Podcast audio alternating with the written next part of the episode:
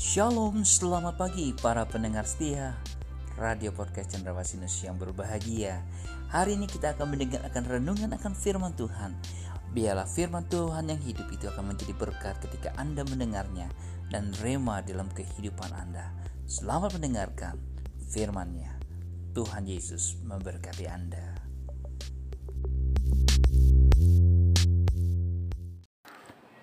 Salam, selamat pagi Bapak Ibu, Saudara yang dikasih oleh Tuhan. Apa kabarnya pagi hari ini? Doa saya Anda dalam keadaan sehat, kuat, dan tentunya tetap bersemangat. Haleluya. Kembali pagi hari ini saya Pendeta Samuel akan sharing kebenaran firman Tuhan yang saya ambil di dalam kitab Zakaria 8 ayat yang ke-8 demikian firman Tuhan.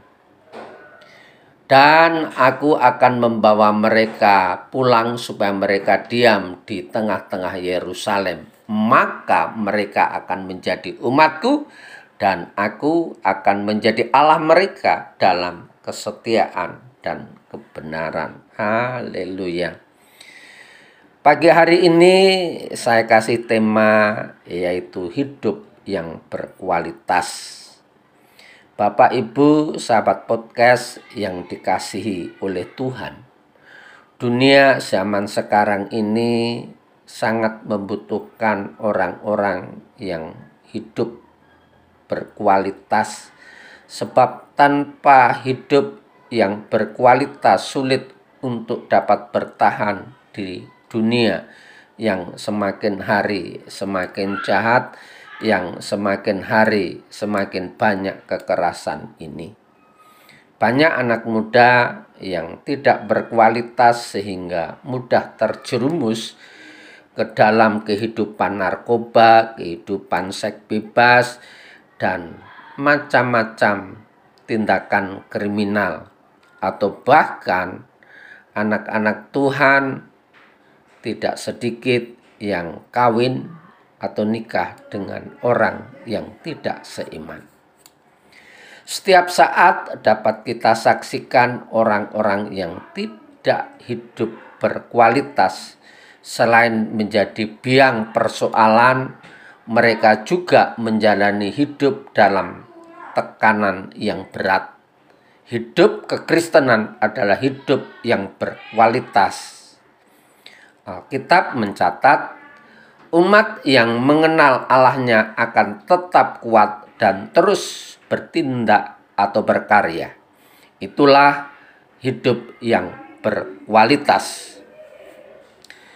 Di dalam ayat yang baru saja saya bacakan, pentingnya kita mempunyai hidup berkualitas. Ada beberapa hal yang ingin saya sampaikan, yaitu kita hidup berkualitas harus memerlukan kuasa, kesetiaan, dan roh kudus.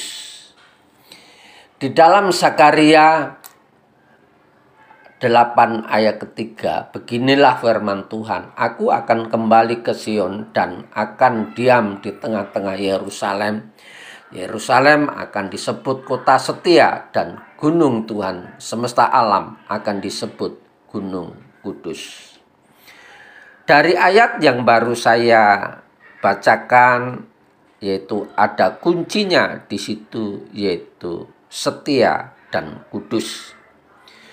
Di dalam kehidupan sekarang tanpa kesetiaan, tanpa pimpinan Roh Kudus, maka kita tidak bisa hidup setia dan hidup di dalam kekudusan. Kesetiaan dan kekudusan itu dianggap hal yang sangat penting. Orang lebih memperhatikan hal-hal yang bertalian dengan keuntungan dan kepentingan diri sendiri.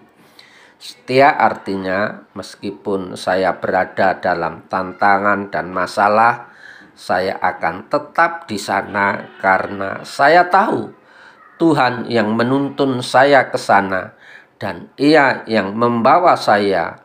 Untuk itu, Tuhan telah setia kepada saya. Yang kedua, kita harus memerlukan kuasa untuk membangun sebuah keluarga yang dahsyat.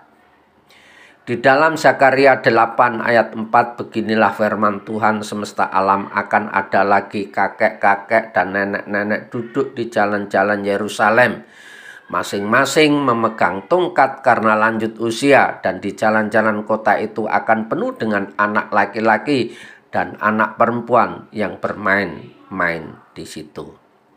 Keluarga yang dasar ini yang dapat dinikmati adalah hidup dalam damai sejahtera di mana tidak ada perpecahan, tidak ada perceraian, dan tidak ada kebencian atau bahkan kepahitan.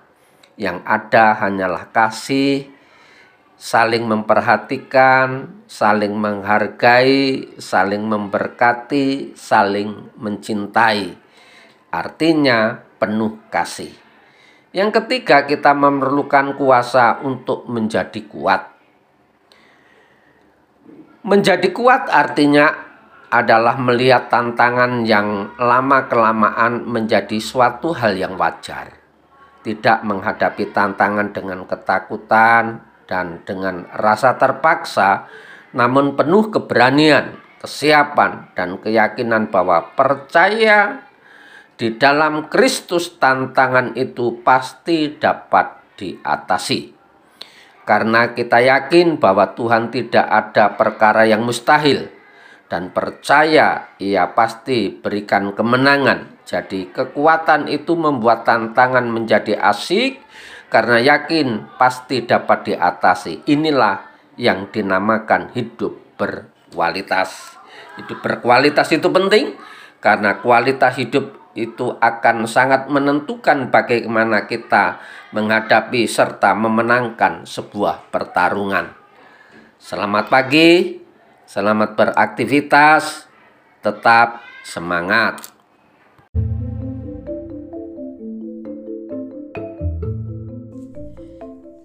Sampai jumpa esok hari. Kiranya damai sejahtera dari Allah Bapa, kecintaan kasih daripada Tuhan Yesus Kristus, dan persekutuan Roh Kudus menyertai kita mulai hari ini, esok, sampai Maranatha. Tuhan Yesus datang kedua kalinya. Sampai jumpa. thank you